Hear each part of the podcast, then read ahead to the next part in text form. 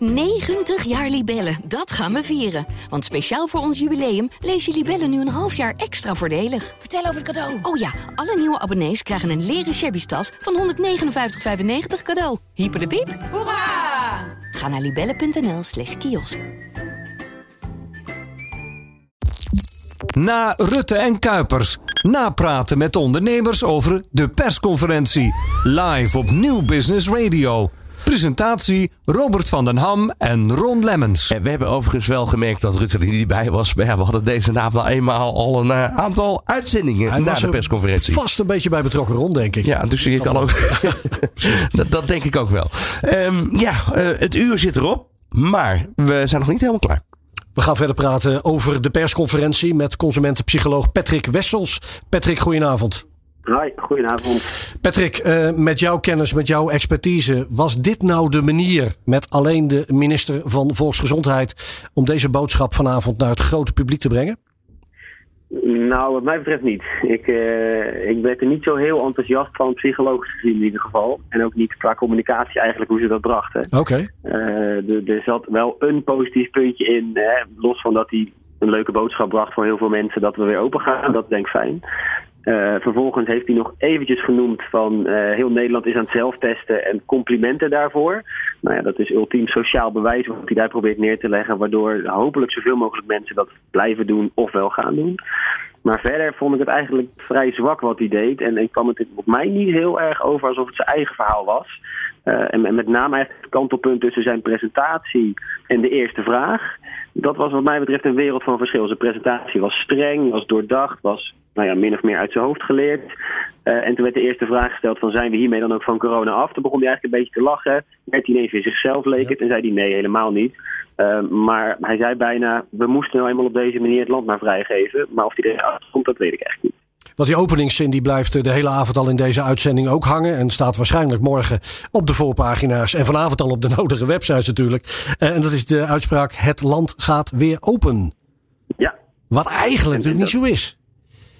Nou, kijk, voor een heel groot deel is dat denk ik wel zo. Hè. Ik bedoel, de meeste dingen kunnen volgens mij wel weer. Ja. Um, met name natuurlijk de, de binnenfestivals, die geven aan, die, die 1G zit ons in de weg. Uh, of in ieder geval de binnengelegenheden die meer dan 500 man bij elkaar brengen. Uh, daarnaast denk ik dat er een heleboel kan. Het enige vreemde ook, wat volgens mij in de vraag ook heel duidelijk terugkwam, waarom in twee stappen versoepelen? Uh, waarom niet in één keer? Ja. Hangt het dan af van de besmettingen? Zo ja kunnen we dan nog uh, een soort van boodschap krijgen dat het straks niet doorgaat. Brengt weer onzekerheid met zich mee. Uh, daarop gaf Kuipers aan, nee hoor, dat is niet het geval. Uh, we gaan sowieso versoepelen verder op 25 februari.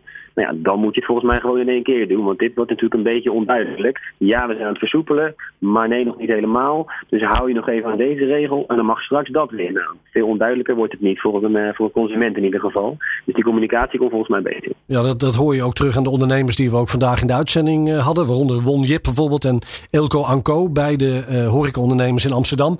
Die zich inderdaad ook die drietrapsraket afvragen van 18 naar 25 februari.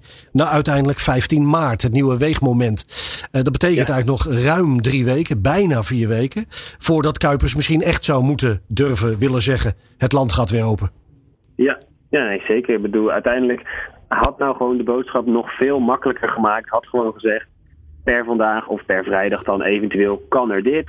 Um, en inderdaad, we gaan 15 maart er even wegen. Maar nu stapje voor stapje. En blijkbaar maakt het allemaal niet uit wat er met de besmettingen gebeurt. Het gaat sowieso door. Dus als we morgen en overmorgen ineens 300.000 besmettingen hebben, verandert er nog niks.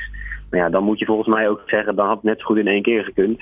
Uh, dus, dus communicatietechnisch vind ik het een erg zwakke manier eigenlijk om dit te brengen.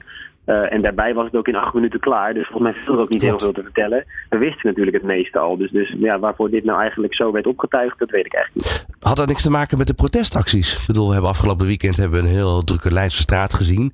Onhoudbaar, uh, zou je kunnen zeggen als overheid. Hier, um, hier kan je niks meer tegen doen. Nee, Nee, zeker. Maar, maar ook daarvoor geldt denk ik dat als, als dat inderdaad hè, mee zou spelen, uh, geef het dan maar aan. Ze hebben juist aangegeven namelijk, we kijken niet meer alleen naar de medische uh, medische achtergrond en de medische problemen die er mogelijk ontstaan. Maar we kijken ook naar de maatschappelijke gevolgen. Maar benoem het dan maar dat je aangeeft, we merken gewoon dat het draagvlak wegvalt, dat we iets moeten. Dus gaan we deze manier doen. Maar dat wordt dan weer verpakt in een boodschap dat de, de booster heeft geholpen en dat de vaccinaties helpen. En heel misschien dat Omicron ook wel minder, uh, minder ziekmakend is. Uh, het draagt niet bij aan een soort van idee van transparantie en een helder verhaal naar buiten toe. Uh, moet ik wel bij zeggen dat ik normaal gesproken Rutte daar veel sterker in vond dan hoe Kuipers dat deed. En hij heeft het ook pas een paar keer gedaan. Dus misschien moeten we hem daar ook wat krediet in geven. maar ik vond daardoor zeker niet de sterkste persconferentie. Miste hij niet eigenlijk gewoon zijn afleider. Ik bedoel, voorheen had je twee. Uh, ja, de premier en natuurlijk de minister van Volksgezondheid. Op het moment dat de ene even moest nadenken, kon de ander antwoorden. Een soort afleidingsmanoeuvre zou je kunnen zeggen. Dat was natuurlijk nu niet aan de orde. Uh, we hebben toch enige maal uh, hem aardig horen zoeken naar antwoorden. Nee, nee, zeker. En daardoor maakte hij ook gewoon een minder sterke indruk. En, en, en, ja, dat is voor mij makkelijk praten. Dit staat daar niet natuurlijk. Je moet het denk ik maar doen om daar te gaan staan. Maar inderdaad, met z'n tweeën is het denk ik ietsje makkelijker. Uh, en daarnaast moet hij nu natuurlijk iets vanuit zowel volksgezondheid vertellen, als eigenlijk breder voor de maatschappij. En dat is helemaal niet zijn rol. Dus ja, dat hij daar wat moeilijker uitkomt, dat vind ik niet zo vreemd. Alleen het draagt gewoon niet bij aan de daadkracht van zo'n persconferentie. En dus ook zeker niet aan de manier waarop mensen zich daarna gaan gedragen. Ik denk dat de boodschap die de meeste mensen hebben gehoord is: Nederland gaat weer open. En toen zijn ze het ware uitgeschakeld, in ieder geval mentaal. En dat er dus nog basisadviezen gelden en dat je nog een paar dingen moet doen en geen handen mag schudden. Ik denk dat de meeste mensen dat niet gehoord hebben. Exact. En, en deze uitzending hebben we al eerder gehad over het feit dat toch af en toe ook eerlijk toegaf. Ik, ik, ik weet het niet. Hoe kijk jij daarnaar? Is dat, is dat, uh, dat is een nieuwe tendens? Want je kan ook doen alsof je het wel weet, maar je weet het dan niet. Uh, dus met andere woorden, dit kan je ook zeggen van ja, hij is toch eerlijk. Ja, nee, zeker. Dat vond ik juist een beter punt inderdaad. Het lastige is alleen dat het in combinatie eigenlijk met de rest van het verhaal nu een beetje een zwaktebod werd. Uh, het leek alsof het een gebrek aan voorbereiding was. Terwijl als je daar uh, een daadkrachtig verhaal vertelt wat verder goed staat. En bij een paar dingen aangeeft, nou dat valt net buiten wat we nu kunnen zeggen. Dus dat weet ik niet. Daar kan ik nog niet op ingaan. Dan denk ik normaal een, een positief punt. En een sterke manier om dat te doen. Uh, maar ja, deze keer kwam het niet zo heel lekker uit de verf. Maar, maar ik denk ook wel dat we daarmee doorgaan. Dat vind ik wel een goede manier. Als we het niet weten, zeg het dan ook maar. Tot slot, Patrick, de routing die Kuipers op dit moment hanteert. Hij stuurt eerst een brief van de Tweede Kamer, schakelt pas daarna het OMT in. Die volgorde is natuurlijk wel eens anders geweest. Daarin lijkt dus ruimte voor die publieke opinie, waar het net ook met Ron over had. En dus beïnvloeding van. Hoe vind je uh, die nieuwe keuze?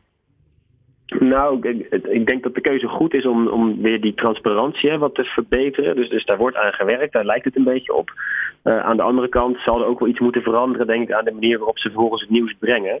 Uh, op deze manier steeds alles van tevoren brengen en dan een week later een persconferentie. Nou ja, dan hou je geen kijkcijfer over. ik denk nee, dat, er heel wat media mensen weten hoe dat werkt. Ja. Um, dus in die zin is dat duidelijk niet de strategie die ze straks gaan kiezen, denk ik. Hè. Er wordt natuurlijk nagedacht over een langetermijnstrategie. Ook over de communicatie die ze daarvoor gaan gebruiken. En zo'n persconferentie staat daarbij natuurlijk ook ter discussie hoe je dat moet doen. Uh, nou, in ieder geval niet zo, denk ik. Dus ik denk dat we daar grote veranderingen in gaan zien.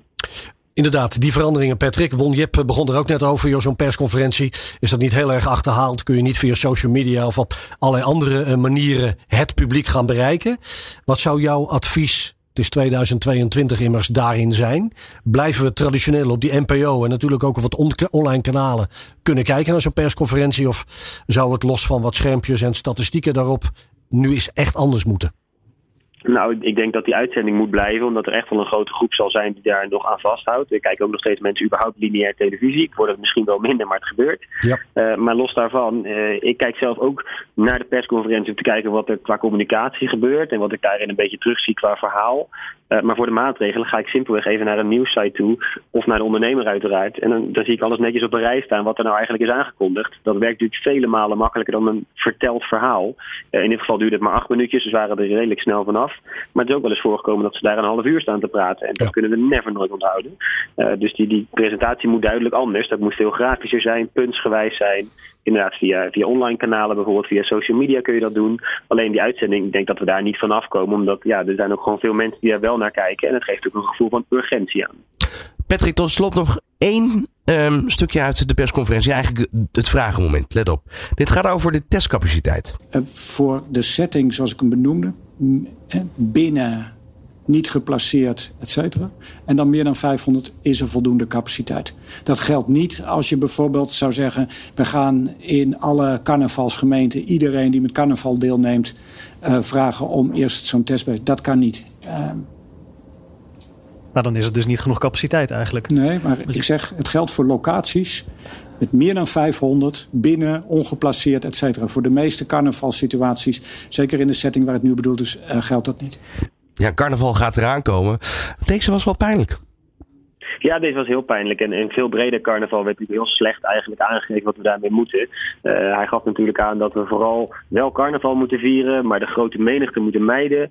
Alsof ik weet waar die op dat moment staat. Ja. Uh, en dat we een beetje rustiger aan moeten doen en misschien in een klein cafeetje met elkaar dat moeten doen. Dat is geen advies. Dat geeft geen handelingsperspectief. Ik kan daar niks mee als consument. Um, dus dat werkt sowieso niet. En dan vervolgens inderdaad komen we met die testcapaciteit komen we er eigenlijk niet uit. Nou, nu hebben we het over carnaval, maar er zijn ook allerlei festivals te verzinnen. Paaspop is een van de eerste festivals die groot is. Dat is een buitenfestival voor een deel. Aan de andere kant staan er hele grote tenten. Geldt het dan als binnen? Dus, dus ik denk dat daar allerlei nog haken en ogen aan zitten. Ofwel, ze hebben het idee dat we daar misschien op 15 maart vanaf kunnen. En dat die 1G dus maar heel tijdelijk is. Dat, dat zou een andere oplossing zijn. Uh, maar anders krijgen we daar denk ik nog een, een, een, groot probleem mee inderdaad. Stel dat het die afsluiting wordt op 15 maart, Patrick. Uh, moet premier Rutte daar dan bij zijn? Absoluut, ja, Absoluut. zeker weten. Waarvan achter, dankjewel. Patrick Wessels, consumentenpsycholoog en natuurlijk ook expert-blogger bij De Ondernemer. Na Rutte en Kuipers, napraten met de ondernemers over de persconferentie. Live op Nieuw Business Radio. Dit is de gevreesde zoemer die na 60 seconden pitchen afgaat. Lukt het startende ondernemers om binnen deze tijd hun businessidee uit te leggen aan een vakkundige jury? Welkom op de stip. Ben je er klaar voor om jouw pitch te gaan geven? As ready as can be, ja.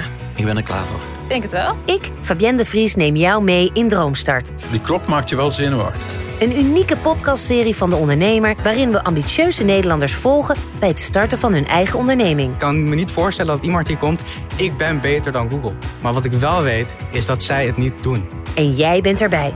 Vanaf die eerste spannende pitch tot aan de meest cruciale momenten van hun weg naar succes. Ik heb nooit geleerd om te zeggen van, uh, oh, ik ben het waard. Volg Droomstart in je favoriete podcast-app en mis niets van dit unieke kijkje achter de schermen. Droomstart is een initiatief van de ondernemer en podcastbureau As We Speak. 90 jaar Libellen, dat gaan we vieren. Want speciaal voor ons jubileum lees je Libellen nu een half jaar extra voordelig. Vertel over het cadeau. Oh ja, alle nieuwe abonnees krijgen een leren shabby tas van 159,95 cadeau. Hyper de piep. Hoera! Ga naar libellen.nl slash kiosk.